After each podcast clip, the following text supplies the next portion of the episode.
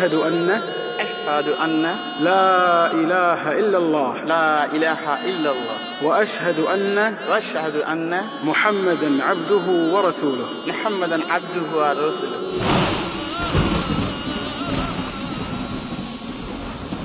كنتم خير أمة أخرجت للناس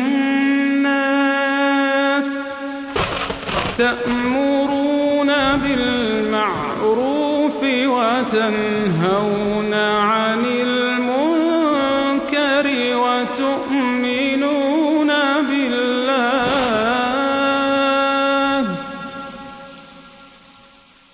بسم الله الرحمن الرحيم. جمعية العون المباشر ولجنة مسلمي أفريقيا في دولة الكويت تقدم. سمعوا فأسلموا. محاضرة تسلط الضوء على تجربة فريدة قامت بها اللجنة في القارة الأفريقية أثمرت عن إسلام الكثيرين. ونترككم الآن مع المحاضرة لفضيلة الدكتور عبد الرحمن السميط. بسم الله الرحمن الرحيم. الحمد لله رب العالمين والصلاة والسلام على سيدنا محمد وعلى آله وصحبه أجمعين. وبعد السلام عليكم ورحمة الله وبركاته. كنت أقرأ في مجلة أمريكية متخصصة في الأبحاث العلمية عن التنصير واسمها International Bulletin of Missionary Research أو ترجمة آه، اسمها بالعربي المجلة الدولية لأبحاث التنصير. هذه المجلة تصدر كل ثلاث شهور وهي متخصصة في الأبحاث العلمية عن التنصير ونشرت آه، بحث لعالم من علماء النصرانية وأستاذ جامعي اسمه الدكتور ديفيد باريت. متخصص هو في إحصائيات التنصير وطبعا أي شيء ممكن ينافس التنصير.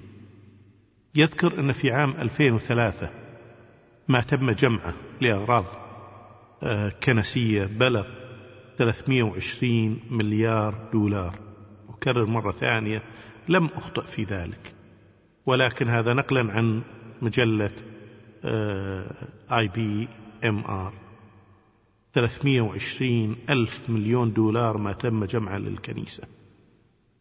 عدد المنصرين المتفرغين خمس ملايين وستمية وتسعة وثمانين ألف منصر في عام 2003 منهم خمس ملايين ومئتين وخمسة وخمسين ألف وخمسمية منصر محلي متفرغين وهناك أربعمية وأربعة وثلاثين ألف يعملون خارج دولهم.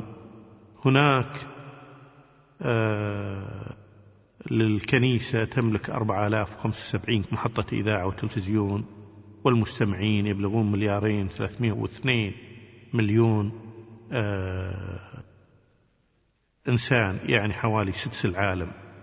أنا أشك في الرقم 475 لأن حسب خبرتي في إفريقيا وأنا زرت آه أغلب الدول الأفريقية أعتقد أن عدد المحطات في إفريقيا يفوق هذا العدد. آه لكن ربما هو ما حسب محطات الاف ام عناوين الكتب التي طبعت فقط عناوينها خلال عام 2003 خمس ملايين وثلاثمائة ألف عنوان عدد المجلات والدوريات التي تخدم الكنيسة وتوزع من أجل آه نشر التنصير أربعين ألف مجلة ودورية وعدد الأناجيل أو أجزاء من الأناجيل التي وزعت خلال العام بلغ أربعة مليار تسعمية وثلاثة وأربعين مليون نسخة من الإنجيل أو أجزاء من الإنجيل. آه معنى هذا أن أكثر من 85% من سكان الأرض لو وزعت توزيعا عادلا آه لا أصابهم نسخة من الإنجيل أو أجزاء من الإنجيل.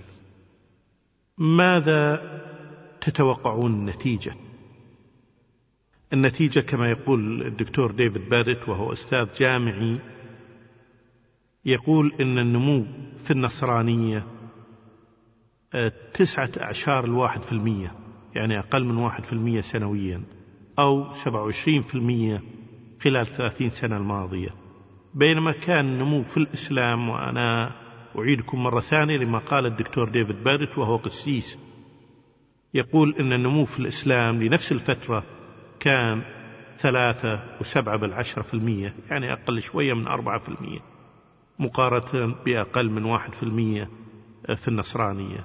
هذا معناه أن خلال الثلاثين سنة الماضية نمى الإسلام بنسبة 111 في المئة 111 في المئة ليش؟ هل هذا لأن إحنا قاعدين نشتغل مثلا في إفريقيا؟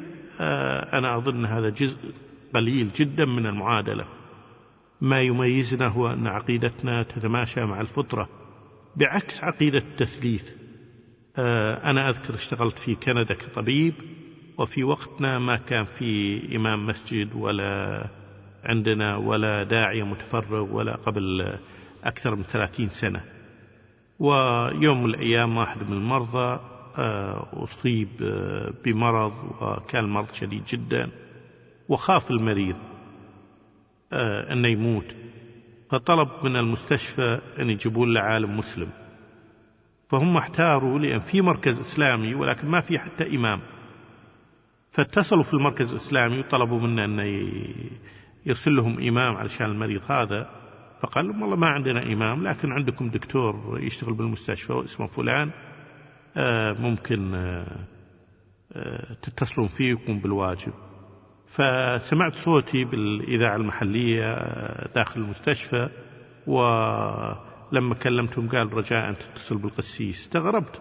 اتصلت بالقسيس فقال عندنا القصة كيت وكيت وإحنا عندنا قصص لمختلف طوائف الكاثوليك والبروتستانت والأرثوذكس لكن ما عندنا إمام مسلم. وأتمنى أنك تروح المريض الفلاني و آه، إيش تحتاج؟ أنا أزودك فيه تريد ماء مقدس تريد تلبس ملابس خاصة وغيره فقلت له إحنا كمسلمين ما نحتاج لا الماء المقدس ولا الملابس. آه، ملابس الطبيب أنا أذهب وأدعو له. فعلا ذهبت ودعوت له. الحمد لله الله سبحانه وتعالى كتب لهذا المريض الشفاء ولكن بين الحين والآخر قام القسيس يتصل في عندنا مريض مسلم هنا وعندي مريض مسلم دخل أمس و... فبعدين أعطاني مكتب داخل مركز العبادة أو الكنيسة في المستشفى واعتبروني أنا قسيس مسلم. فصارت نوع من الألفة بيني وبين هذا القسيس وبدأت أسأل بعض الأسئلة. قلت له مثلا أن عقيدة التثليث أنا ما فهمتها. إيش معنى ثلاث آلهة في إله واحد وإله واحد في ثلاث آلهة؟ إيش علاقة الأب بالابن والروح القدس؟ وكيف تعتبرونهم إله واحد؟ وليه ينقسمون إلى ثلاثة؟ فأذكر أنه قال لي باللغة الإنجليزية قال لي either you accept it as it is or leave it as it is. أما أن تقبلها كما هي ولا تتركها لأني أنا قسيس وأنا ما فاهمها. فشعرت بأن العقيدة التثليث صعبة على قبولها من قبل الإنسان العادي وهذا أمامنا قسيس ويقول أنا ما أستطيع أفهمها. ولهذا نمو الإسلام كبير جدا. راح أرجع على هذا الموضوع. بس خلينا نكمل في موضوع المسيحية أو النصرانية. أنا أذكر أن كان هناك أستاذ العقيدة في جامعة كاثوليكية في ألمانيا. آه، يؤلف كتاب ينكر فيه وجود الله وهو الغريب قسيس. فأذكر صارت ضجة وراحت المحاكم. هل من حق الأستاذ هل هي يعني قضية شخصية وحرية شخصية أن يؤمن أو لا يؤمن؟ الكنيسة تقول لا آه، هو حق شخصي ولكن ما دام ألف كتاب ما عاد شيء شخصي وإنما شيء عام ما أذكر إيش اللي صدر الحكم. بس كانوا يناقشون هل القسيس يجب أن يؤمن بالله ولا مو شرط أن يؤمن بالله إذا كان يؤدي أدواره الأخرى. قارن هذه الثلاثة في واحد واحد ثلاثة مع قل هو الله أحد الله الصمد لم يلد ولم يولد ولم يكن له كفوا أحد. قارنها مع أشهد أن لا إله إلا الله وأن محمد رسول الله أو أن محمدا عبده ورسوله. آه، عقيدة سهلة بسيطة تدخل القلب بدون أي تعقيد. آه، كم من مرة كنت أشرحها لهم للأخوة اللي كنت ألتقي فيهم في إفريقيا من غير المسلمين. وفي أغلب الأحيان كان الله سبحانه وتعالى يهديهم بسبب سماعهم لمعنى قل هو الله أحد. دين سهل يتغلغل في القلوب. أنا أذكر لما كنت في كندا كان عندي زميل مسلم كندي اسمه عبد الحق وبدأ ينشر الإسلام آه، لأنه يقول أريد أن أنقذهم من النار فأنا أريد أن أعلمهم أشهد أن لا إله إلا الله.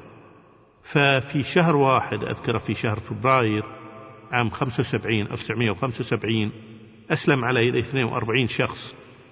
فأنا بالحقيقة بقدر ما فرحت أنا غضبت جدا لأني قلت له هؤلاء المسلمين الجدد من يربيهم؟ من يعلمهم الإسلام؟ أم تريد أن كل واحد يفهم الإسلام بطريقته الخاصة ويسبب لنا مشاكل؟ ما حدث في كندا من إسلام 42 شخص في شهر واحد على يد شخص آه، خريج ثانوية هو ما يحدث في إفريقيا الآن خاصة ونحن نشتغل حسب مخطط علمي وبطريقة آه، ما هي فوضوية ونركز على مناطق معينة نوجه كل كلامنا كل عملنا كل مشاريعنا المنطقة معينة في كل بلد وما ننشر نفسه في كل مكان. فبالتالي يصبح عندنا مشكلة في متابعة هؤلاء المسلمين الجدد. الآن فضل الله سبحانه وتعالى إذا أسلم واحد أو أسلمت مجموعة كل ما علينا نحن نروح نزورهم لأن موجود مركز إسلامي. في نفس المنطقة يذهب الأخوة الدعاة من المركز الإسلامي ويزورون القرى التي حدث فيها الإسلام وعندنا دورات نعملها لهم وغيره آه، أفريقيا خلال فترة بسيطة نشرح لهم ال ال الإسلام نشرح لهم العقيدة فيدخلوا الإسلام. المشكلة هو أننا لا نستطيع تغطية كل القرى. حتى لو كان عندنا مئات الألوف من الدعاة مثل النصارى فإحنا بحاجة إلى وسائل مواصلات لكل داعية. أنا شخصيا أحيانا أضطر إلى ركب البعير أو ركب تكرمون الحمار. وأذكر يوم من الأيام واحد من أبناء الكويت آه، من عائلة آه، ثرية آه، اضطر أنه يشتري له تكرمون حمار حتى يقعد يتنقل لأنه جلس أظن ثلاث أشهر في منطقة نائية وكان يريد أن يذهب للدعوة للمناطق القريبة. فقضية المواصلات عندنا مشكلة المشاكل. مرات كثيرة أنا أذكر أني اضطريت أمشي على أقدامي مسافات حتى أصل إلى الناس المقصودين. أذكر يوم من الأيام في شمال كينيا آه، ذهبت في لمقابلة واحد من زعماء قبيلة القبرة. وكنا نسعى إلى نشر الإسلام في هذه القبيلة والسيارة بالأول المعاونات أو المساعدات تكسرت بعدين السبرنجات آه، أو السوستة كما يقول أخواننا في شمال أفريقيا خربت وبعدين السيارة نفسها قررت أن تتوقف لأن الأرض كانت وعرة جدا كلها صخور بركانية واضطرينا أن نمشي. لما مشيت بعد شوية تقطعت تكرمون عالي لأن عالي هي نعال رفاهية نعال كويتية ومن نوع رخيص آه، بدينار ونص أو آه، بهالحدود هذا. فاضطريت أمشي وتجرحت أقدامي لأن الصخور قامت تشق قدمي من تحت والدم يطلع وبودي أن أبكي وأستحي. من إخواني الأفارقة اللي كانوا يرافقوني لأنهم قد يقولون آه، إيش مال هؤلاء العرب؟ مدلعين كثير وما يتحملون. المشي على هذا الصخر. آه، فالقضية المواصلات صعبة جدا بالإضافة إلى قضية آه، رواتب الدعاة من أين نأتي بهؤلاء الألوف؟ إذا كيف نستطيع أن نغطي هذه القرى؟ ما في غير وسيلة إعلام جماهيري نستطيع أن نصل فيها إلى الناس في مختلف الأماكن. أنا أضرب لكم مثال أيها الأخوة مدينة كارا وهي في وسط آه، جمهورية توغو في غرب أفريقيا. عدد سكانها مع القرى المجاورة كلها ستين ألف. فيها سبع محطات إذاعية الكنيسة. وطبعا آه، ما في ولا إذاعة مسلمة. وهنا بدأنا الآن في إنشاء أول محطة إف إم لنا. ولعلها إن شاء الله تكون بداية لسلسلة من محطات الإذاعة بتوفيق الله سبحانه وتعالى ثم بتبرع المحسنين. ال- إحنا عندنا خبرة من عام 1986 آه، اشترينا إذاعة من حكومة سيراليون والإذاعة كانت كبيرة جدا كانت هدية من ألمانيا ولكن الحكومة ما استطاعت تسيرها تكلفتها كانت كبيرة.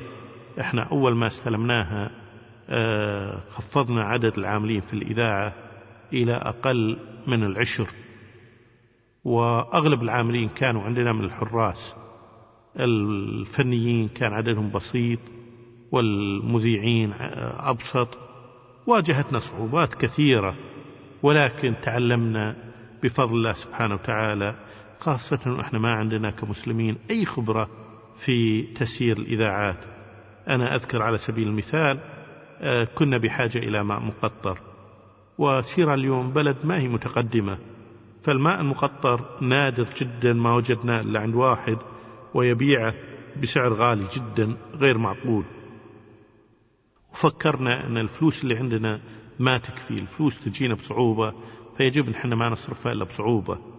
فيوم من الأيام اثنين من المتطوعين جلسوا مسكوا قطعة بلاستيك وفرشوها في المطر وخلوها المطر ينزل على قطعة البلاستيك ومن قطعة البلاستيك ينزل على برميل.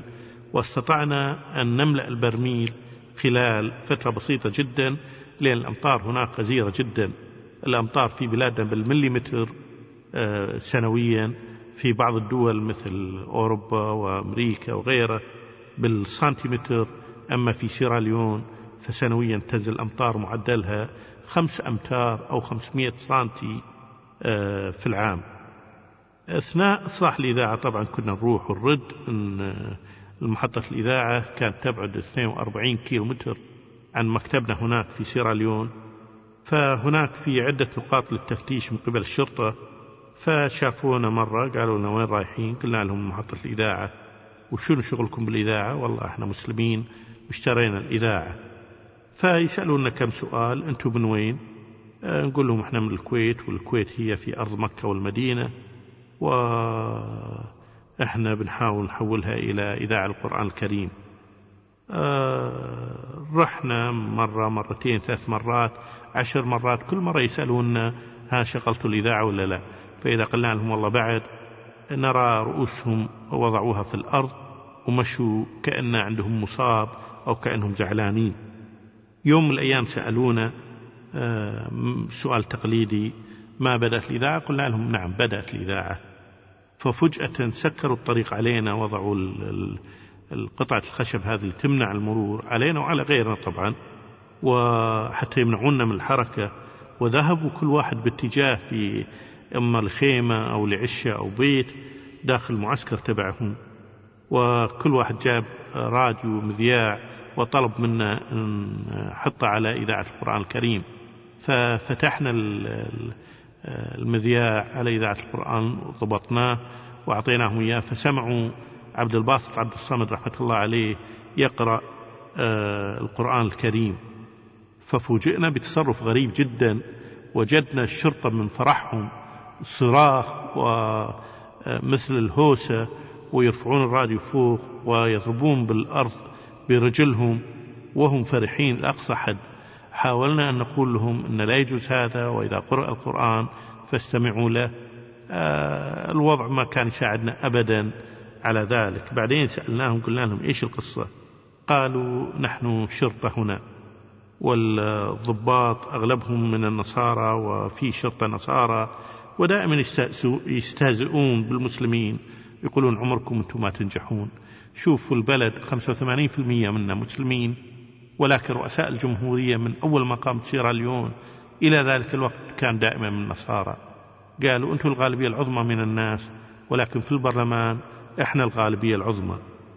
واستمروا في آه، الشرح لنا ففهمنا أن هؤلاء البسطاء كانوا فرحين جدا أن المسلمين فعلا نجحوا في آه، آه، حاجة عملوها وهذا فخر فيه لهم.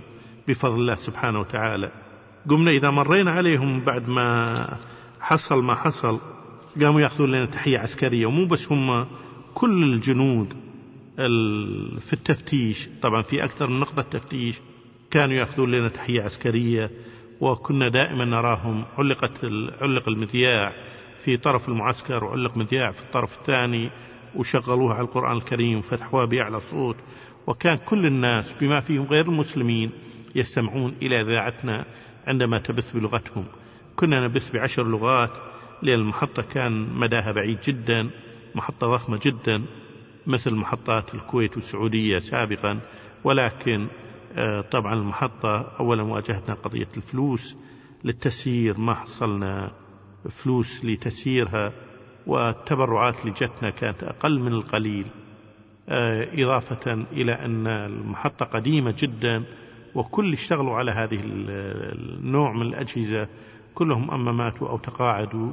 استطعنا الحصول على اثنين في سيراليون ممن لا زالوا أحياء وعدناهم إلى العمل وبدأوا يشتغلون معنا واشتغلوا مدة 12 سنة.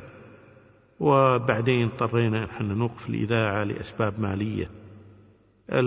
وهنا آه، أود أن أوضح أن أي مشروع إسلامي يحتاج إلى تسيير يجب أن المسلمين يوفرون له أوقاف كافية لتسيير المشروع حتى لا نصاب بالإحباط نتيجة فشل مشاريعنا هنا وهناك. إذا لم يكن عندنا أوقاف للإنفاق على هذا المشروع أعتقد أن هذا مو بس راح يفشل المشروع وإنما راح يأثر على النفسيات نفسيات العاملين مثلنا إحنا في إفريقيا ونفسيات المتبرعين اللي يقولون والله هؤلاء المسلمين آه، يبدون مشروع. وما يستطيعون يسيرونه. كان أثر هذه الإذاعة أكثر بكثير مما يتوقع أي إنسان. أنا أذكر قصة رجل باع دراجته والتي كان يذهب فيها المزرعة ويأتي كل يوم واشترى مذياع واشترى ساعة آه، شفت هذا الرجل فسألته قلت له على ليش أنا أفهم أنك اشتريت مذياع بس ليش اشتريت الساعة قال كيف أعرف أنا مواعيد البث إذا ما عندي ساعة امرأة كانت معروفة بالصلاح وطيبة ذكروها بالخير.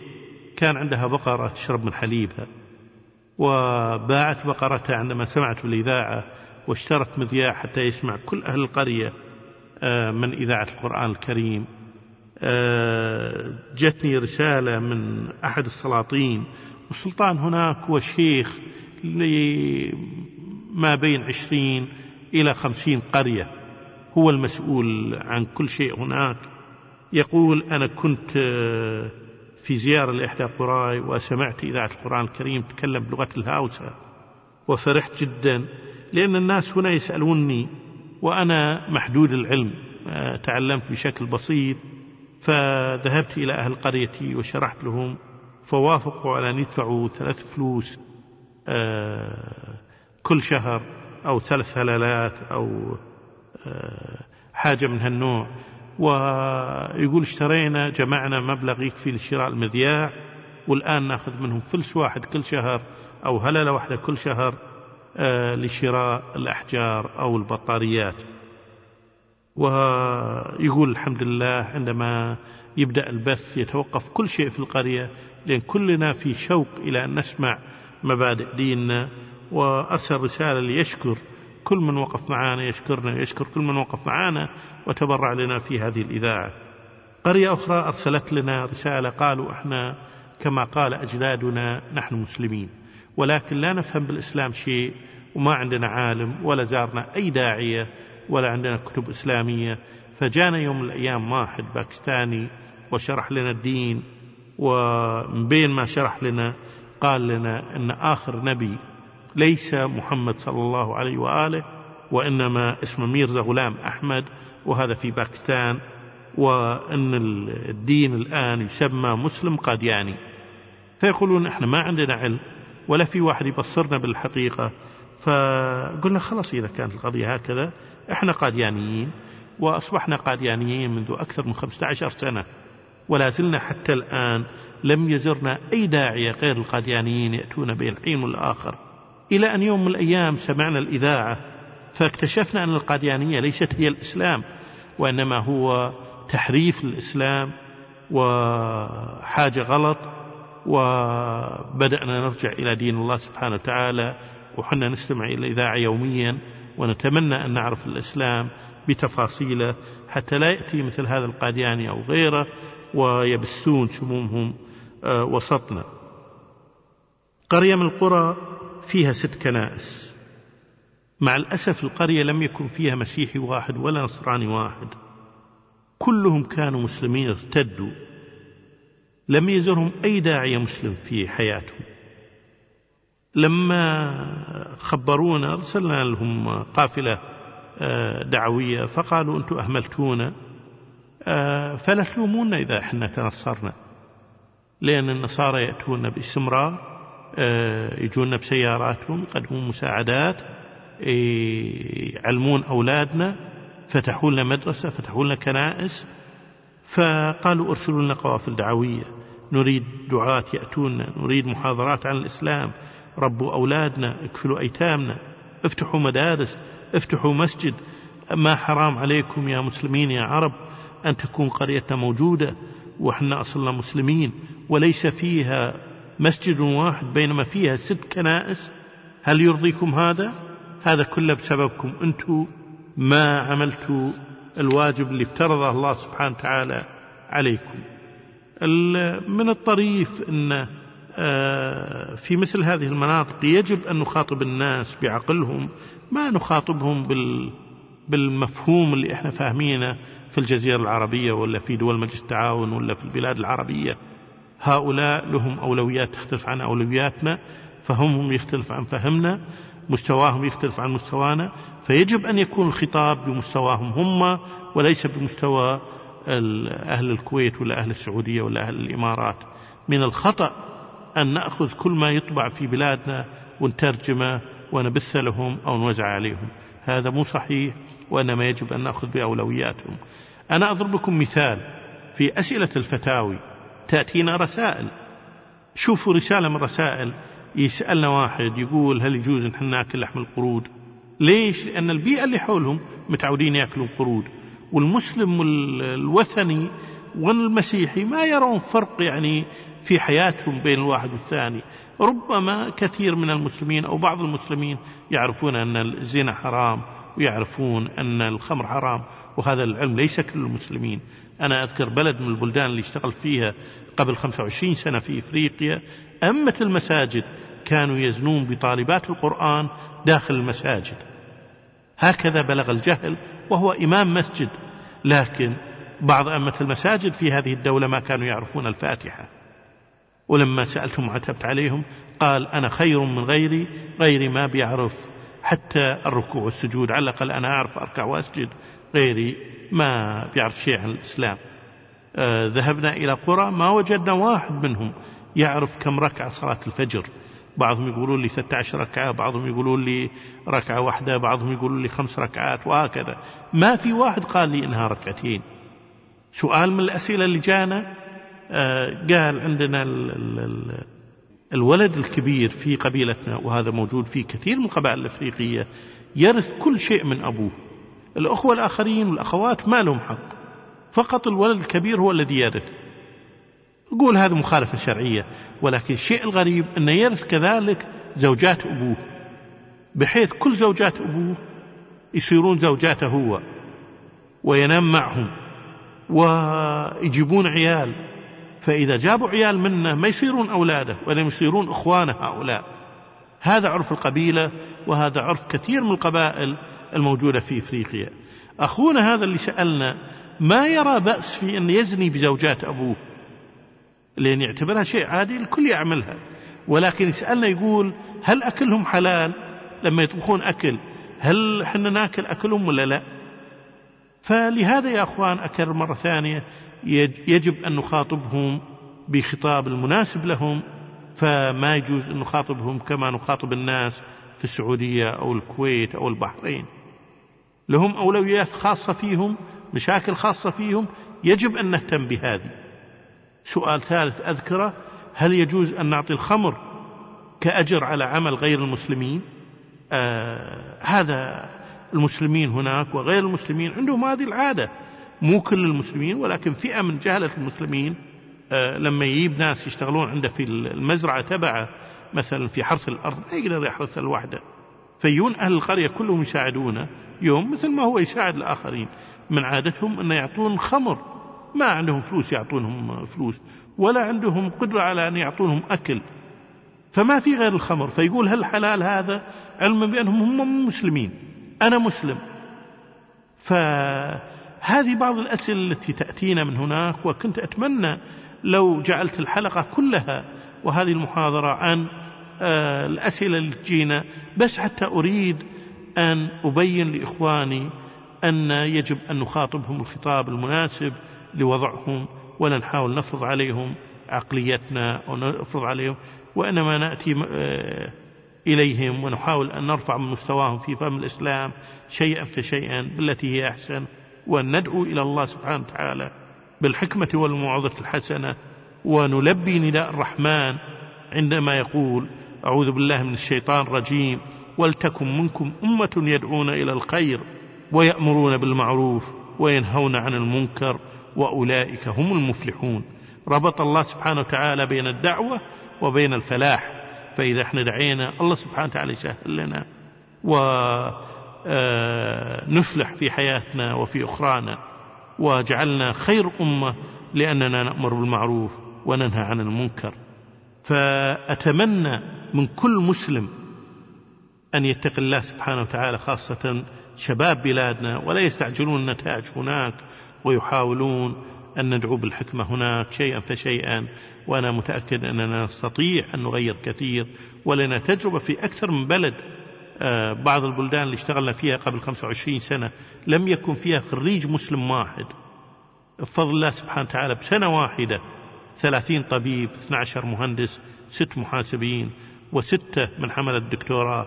تخرجوا من ذلك البلد من أيتامنا وأولادنا اللي ربيناهم.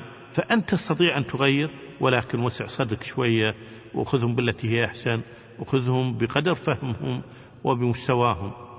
أذكر قصة لقسيس كان مشهور بعداء الإسلام واسمه محمد با.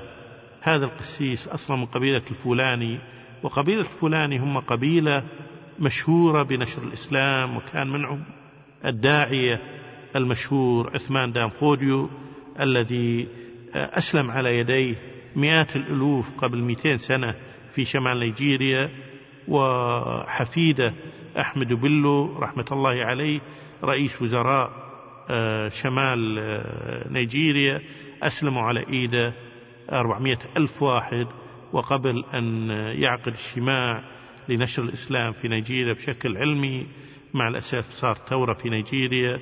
وقتل وهو يصلي الفجر. كان هذا القسيس يتيم وأمة فقيرة جدا وجاهلة فكاد يموت من الجوع. جاءوا القسس وعرضوا على أمة أن يأخذون ابنها ويربونه فهي ما عندها مانع أعطتهم إياه. بعد مدة أمها بدأت تتعلم الإسلام وعرفت الخطأ الذي ارتكبته ما استطاعت أن تسترد منه.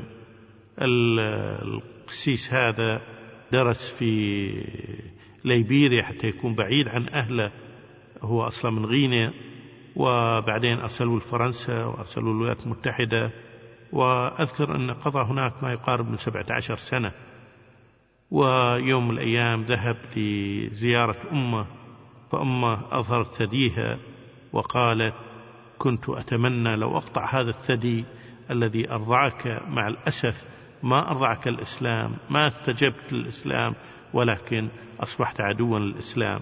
لأنه كان يقدم برامج في إذاعة اسمها ELWA في ليبيريا تملكها الكنيسة وبرامج كلها موجهة ضد الإسلام. ماتت أمة وكان من وصيتها أن لا يشارك في تشييعها. بعدين آه، يذكر لي هذا القسيس أن يوم من الأيام مات شخص عنده بالكنيسة. فيقول آه، عادة نضع الشخص في الكنيسة وجلست حول آه، أنا أفكر وأدعو له وأصلي له وأرشب الماء المقدس. واستمر تفكيري مدة طويلة. بعدين يقول ما أعرف رغم أني أنا داخل الكنيسة بديت أسمع إذاعة بلغتي هي إذاعة القرآن الكريم تبعكم في سيراليون وبدأت أنتبه للإذاعة وبدأت الإذاعة تشرح مبادئ الإسلام فشعرت أن آن الأوان أن أستجيب لفطرتي طول الليل ما قدرت أف- أنام. الصبح لما جاءوا زملائي في العمل قالوا لي شكلك غريب وعيونك حمر من السهر. فيقول أنا كنت في عالم ثاني ما أستطعت حتى أجيبهم. الساعة ثمان جاء القسيس المسؤول عني فذهبت وقابلته وقلت له يا حضرة القسيس أنا أريد أن أسلم. أسلم. فطبعا القسيس قال له إيش الكلام هذا؟ قال له والله الكلام ما سمعت. أنا أريد أن أدخل في الإسلام. قال له واضح أنك أنت تعبان ومريض واتخذت القرار في عجل فإذا تحب أعطيك إجازة أسبوعين ثلاثة تروح إلى أي منتزه من المنتزهات. اللي تملكها الكنيسة أو إلى أي مكان حلو تحبه واقعد وارتاح فيه شوية وبعدين ترجع ويصير خير. قال أبدا أنا أريد أن أسلم. قال يا ابن الحلال فكر فيها زين روح اقعد لك يوم يومين وبعدين تعال لي. لعل هالأفكار هذه تطير من ذهنك. قال أبدا ما راح تروح الأفكار من ذهني وأنا أريد أن أدخل الإسلام. قال للقسيس ترى الثمن غالي فرد عليه محمد باه قال ما عندي رأي آخر وأنا مستعد أدفع الثمن. قال له شوف البيت اللي تسكن فيه هو بيت ملك الكنيسة تطلع منه مش اليوم ولكن الآن. قال له مستعد. قال له السيارة اللي أنت قاعد تسوق فيها هذه سيارة ملك الكنيسة. قال له ما عندي مانع. قال له جواز سفرك إحنا طلعناه ككنيسة نعم هو تابع للبلد ولكن إحنا راح نسحب كفالتنا لك والجواز يجب أن يلغى. قال ما عندي مانع. قال له راتب. قال ما عندي مانع. قال له الملابس اللي أنت لابسها هي ملك الكنيسة. قال ما عندي مانع. فعلا نزع ملابسه وخرج من عنده يقول شعرت بفرحة ما بعدها فرحة وأنا أمشي بالشارع في ملابسي الداخلية فقط. كان اليوم يوم جمعة وأذكر أنا كنت في ليبيريا ومكتبنا في ليبيريا عند سوق السمك. المنطقة هذه فيها مسجد قبيلة الفولة أو الفولانيين فذهبنا نصلي الجمعة هناك فوجدت هذا محمد قد جاء ووقف في المسجد وبدأ يتكلم والناس في ضجة لأن الناس يعرفون من خلال الإذاعة ويريدون طرده. و قالوا له ما نستمع لك وبعض المسلمين يعني أرادوا أن يضربوه الحمد لله كان هناك حكماء فطلبوا من المسلمين أن يجلسوا ويسمعوا كلامه لأن شكله غريب بالملابس الداخلية يدخل المسجد. فجاء الرجل وقف أمام المصلين شرح لهم كيف أنه هو أسلم وأن نزعوا حتى ملابسه. والله أثناء الصلاة أو قبل الصلاة وقف واحد ونزع له قميصه ولبس إياه واحد ثاني نزع نوع من السراويل الطويلة كان لابس اثنين منهم وأعطاه إياه وهكذا. المهم لبسوه ورحبوا فيه واستانسوا فقال أنا ناوي أروح إلى غينيا لأزور قبر أمي وأسألها إن كانت قد رضت الآن على إسلامي أم لا أو رضت عني بعد إسلامي. لكن قبل ما أروح إلى غينيا أريد أن أمر على الإذاعة التي كانت السبب في هدايتي وهي إذاعة القرآن الكريم في سيراليون فلما جاء قال أريد أن مهاجم النصارى في الإذاعة وأمسح فيهم الأرض. قلنا له آه هذا غير منهجنا. نحن ليس من عادتنا أن آه نهاجم الآخرين وإنما نخاطبهم بالحكمة والموعظة الحسنة مثل ما أمرنا رب العزة. لكن اقعد خاطب القسس في الكنيسة وقول لهم أن أنتم علمتوني فأنا أشكركم على هذا العلم وعلى أني وصلت إلى مرحلة متقدمة وأكثر ما أشكركم عليه أنكم علمتوني كيف أبحث عن الحق باستمرار وأني بحثت عن الحق ووجدت الحق في الإسلام بدون أي ضغط. أحمد الله أني أصبحت مسلما وأني أشهد أن لا إله إلا الله وأن محمد رسول الله. يقول أحد القصص الذي رأيته في سيراليون قال يا ليت شتمنا بدلا من كلام الموجع هذا الذي أثر فينا بشكل كبير. وقصص كثيرة صارت لنا بالنسبة للإذاعة لكن بصورة عامة يا أخوان إذا كانت الحكمة هي منهج, الحكم منهج الإذاعة تأكدوا بأنها تستطيع أن تكسب العديد جدا من الناس قرى بأكملها أسلمت بفضل الله سبحانه وتعالى عن طريق الإذاعة. آه، آلاف الأفراد أسلموا خلال 12 سنة اللي بثينا فيها البرامج من خلال إذاعة القرآن الكريم بعشر لغات هي التمني والمندي والسوسو والجولة والفلاني والمندنكا والهاوسا والكريو والإنجليزي وغيرها من اللغات. إحنا ما بنتدخل في الخلافات السياسية ولا الخلافات القبلية ولا نهاجم الآخرين. إحنا ما بنثير فتنة. إحنا بنحاول أن نبين سماحة الإسلام واعتدال الإسلام ووسطية الإسلام. ولهذا قبيلة لوكو وهي قبيلة رئيس الجمهورية الأسبق آه لعبت الإذاعة دور كبير جدا في نشر الإسلام وسطها. كانوا سابقا عدد المسلمين فيها ونسبة المسلمين خمسة في المية. بعد سنتين من الإذاعة وصلوا إلى ستين في المية. ولكن بنينا فيها مدرسة وعملنا فيها مستوصف حفرنا ست آبار بنينا عدد من المساجد وبدينا نزورها باستمرار. آه، كنا نودي لهم إفطار صايم. وكانوا يستغربون يقولون ليش ساعدنا العرب رغم إنهم ما يعرفوننا أكيد إنهم يحبوننا وأكيد إن ربهم هو الذي أمرهم بهذا الحب فهذا الرب يحتاج العبادة. هذا الرب الحقيقي. كنا نوزع عليهم أضاحي نوزع عليهم كتب. لما أسلم زعيم القبيلة أرسلناه للحج وزعنا ملابس مستعملة أعطينا منح لطلبتهم في المدارس أرسلنا لهم دعاة كفلنا أيتام وغيره. والحمد لله كانت النتيجة هي ارتفاع نسبة المسلمين كما ذكرت سابقا إلى 60% فأصبحوا أكثرية في هذه القبيلة.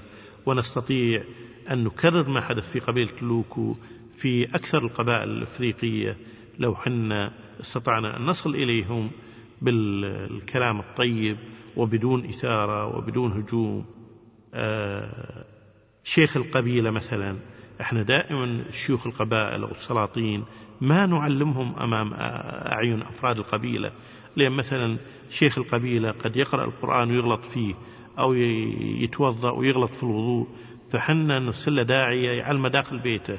بينما المسلمين نعلمهم برا لأن شيخ القبيله له مكانة وله فما يجب أن يضحكون عليه الناس العاديين. وهذا أثر كثير في نفوس الناس هناك إحنا ما في واحد ما نعلمه. حتى المسلم العادي نعلمه مستعدين لذلك لكن شيخ القبيلة نعطيه الطريقة اللي نعتقد إنها مناسبة بالنسبة له. أنا أذكر يوم من الأيام جاء واحد منصر ألماني مشهور أظن اسمه راين هارت وهذا من طائفة من طوائف النصرانية يسمونهم إيفانجليكان أصلهم في الولايات المتحدة بس منتشرين آه، بكثير من الدول الغربية وفي أستراليا ونيوزيلندا وغيرها. هذه الطائفة تؤمن بأن الروح القدس آه، ممكن تشفي المرضى. وجاء وألقى محاضرة وحضروها كالعادة. مئات الألوف من الناس آه، وبدأ يجون مرضى. قال في أحد مريض يحب عالجه. فجاه واحد مصاب سرطان واحد مصاب سكر واحد مصاب شلل أبو السرطان جاء وقال أنا من ثلاث سنين عندي سرطان في رئتي وما في شفاء. المستشفى قالوا أنه انتشر في الجسم ما في فائدة وجابوه على كرسي كرسي مرضى وقام وضع إيده عليه وقال باسم الروح القدس قم وأنت مشافى قام المريض وقام يقفز أمام الناس فصاحوا الناس مستغربين واحد مصاب شلل وكان نفس الشيء شايلينه ووضع إيده على رأسه وقال له قم باسم الروح القدس وقام واحد أعمى أذكر اسمه موسى مسلم. رأيته بعدين وقلت له آه، أنت كنت أعمى؟ قال لي إيه نعم.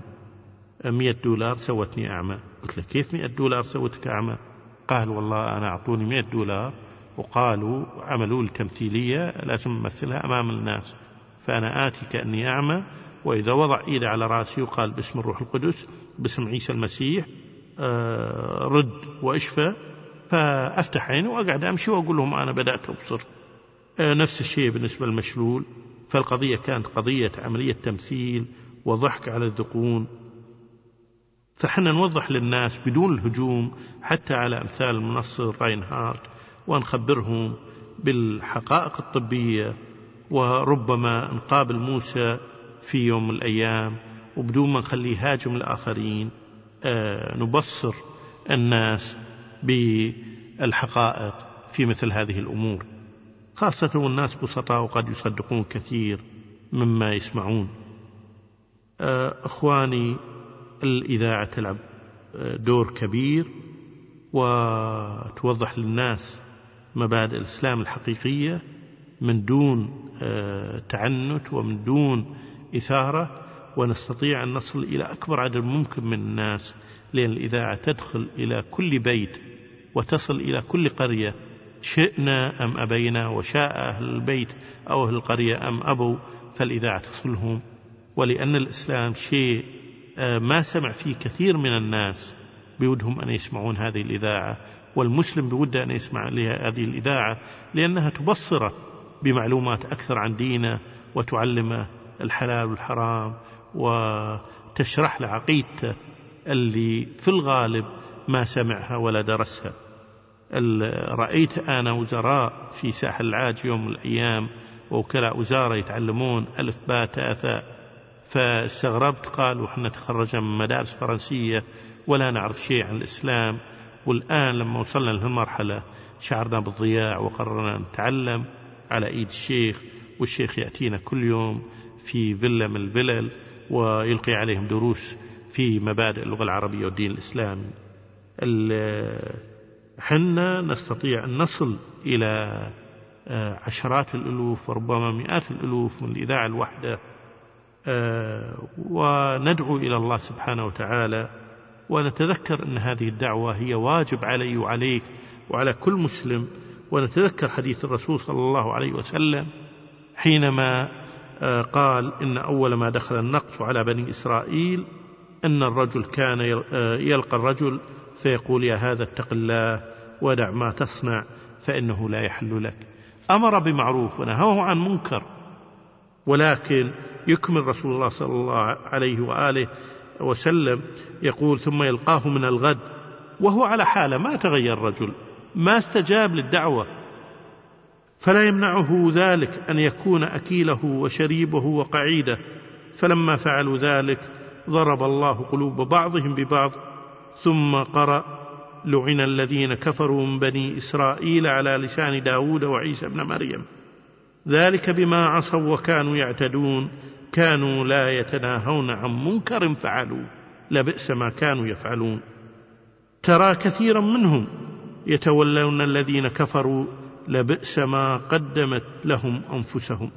من سورة المائدة فأخواني كسلنا في عدم الوصول بالدعوة الإسلامية إلى أكبر عدد من الناس الله سبحانه وتعالى راح يحاسبنا.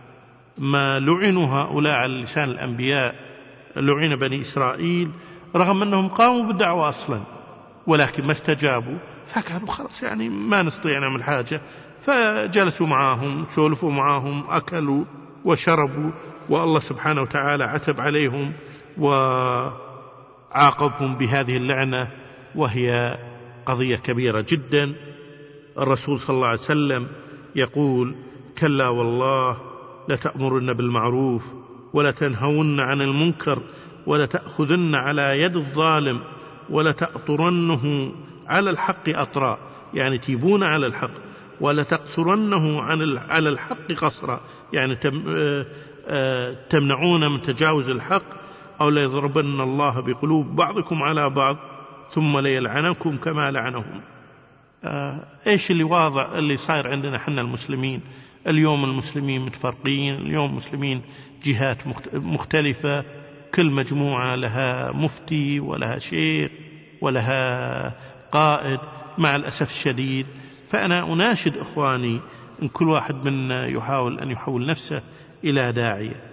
الآن بدأنا في محطة إذاعة كما ذكرت في وسط توغو. وإن شاء الله ستكون بداية لأكثر من تسعين محطة إذاعة ننوي إنشائها محطة الإذاعة اللي أنشأناها هي من نوع ال FM تغطي مساحة عشر آلاف كيلو متر مربع يسكنها ما يقارب آه، من آه، ثمانين إلى مئة ألف آه، شخص تغطي منطقة كارا كلها ومناطق من المحافظات القريبة تسيرها بسيط نحتاج إلى شخصين إلى ثلاث أشخاص لتسييرها. أجهزة بسيطة رخيصة بالأجهزة. هي مع الوقف مالها تكلف ما بين 25 ألف إلى 50 ألف دينار كويتي.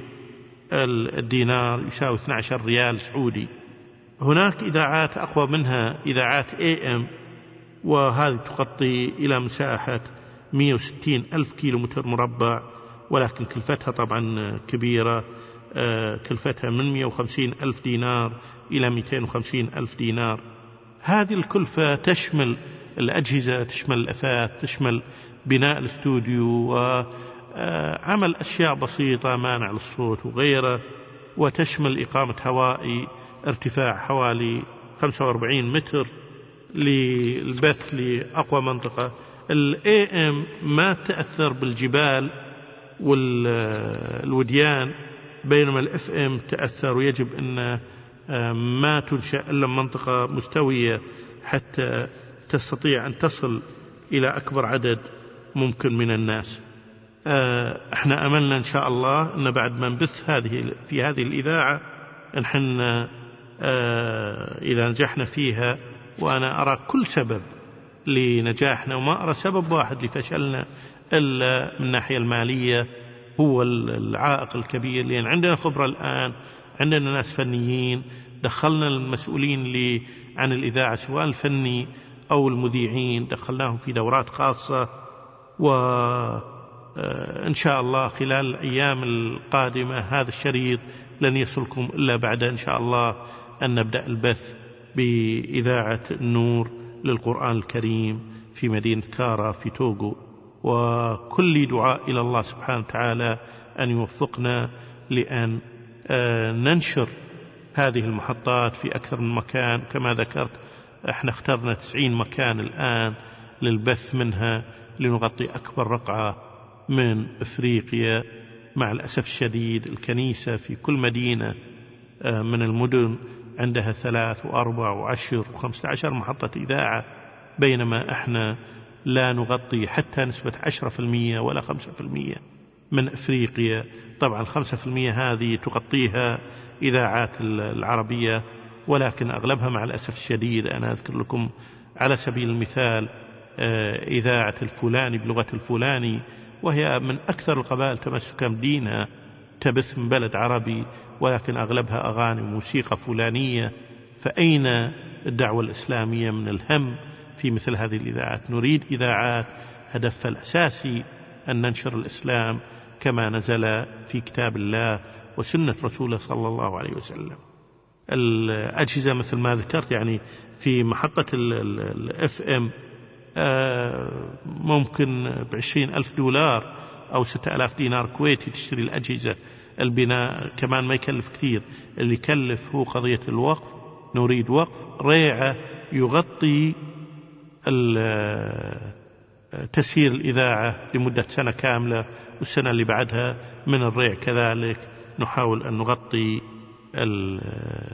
التكاليف.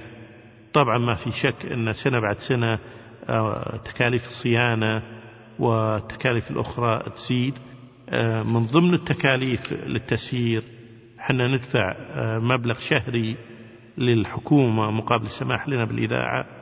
ندفع مبلغ شهري للصيانة ندفع رواتب الموظفين ندفع الكهرباء ندفع لشراء النثريات مثل الأشرطة أو السي دي أو غيرها اللي نسجل عليها مختلف البرامج. فضل الله سبحانه وتعالى سجلنا حتى الآن ما يقارب من 500 ساعة من البث كاحتياط للإرشيف. لأن تعرفون مثل هذه اللغات ما في أي إرشيف ولا في أي تسجيلات بلغاتهم بالإضافة للغة الفرنسية وهي اللغة الرسمية في توغو وكلفنا مكاتبنا في عدة دول ناطقة بالفرنسية أن يساعدونا على تسجيل بعض البرامج. نفرض أن مكتبنا في غينيا انكلف بأن يسجل لنا تفسير القرآن الكريم. مكتبنا في النيجر ممكن يسجل لنا سلسلة برامج عن فقه الفقه الإسلامي. في دولة ثالثة نخليه يقول لنا عن سيرة الرسول صلى الله عليه وسلم في عدة برامج في مية ميتين برنامج وهكذا. ما يجوز إن ناخذ البرامج العربية مية في المية ونترجمها هناك إلا إذا كانت صالحة للبث لعقلية الناس المستمعين هناك. وآمل من الله سبحانه وتعالى أن ما يخذلنا وأن نتمكن من جمع التبرعات لهاتين للإذاعات هذه سواء كانت اف ام أو اي ام ومسؤوليتنا أمام الله سبحانه وتعالى أن نغطي أكبر رقعة لننشر سماحة الإسلام وفي الختام أود أن أذكر إخواني وأخواتي بدراسة قمنا فيها أه وجدنا أن معدل تكاليف دخول الإنسان إلى الإسلام عن طريق إذاعة الإذاعة الإسلامية مثل الإذاعة التي ننوي إن شاء الله أن نعملها أو الإذاعة السابقة التي كانت عندنا اللي قمنا في الدراسة عن طريقها وجدنا أن معدل تكلفة دخول الإنسان إلى الإسلام هي 22 دينار كويتي أو 275 ريال سعودي. فهل ستمتنع أخي الفاضل عن كسب إنسان إلى الإسلام بسبب أن إحنا ما دعمنا هذه الإذاعة وغيرها من الإذاعات الإسلامية للقرآن الكريم الموجودة في إفريقيا وغير إفريقيا. جزاكم الله خير. والسلام عليكم ورحمة الله وبركاته. أخي المسلم أختي المسلمة يقول رسول الله صلى الله عليه وسلم الدال على الخير كفاعله فساهموا معنا في نشر تعاليم ديننا الحنيف. للاتصال والاستفسار هاتف رقم ثمانية ستة ستة ثمانية ثمانية ثمانية. والسلام عليكم ورحمة الله وبركاته.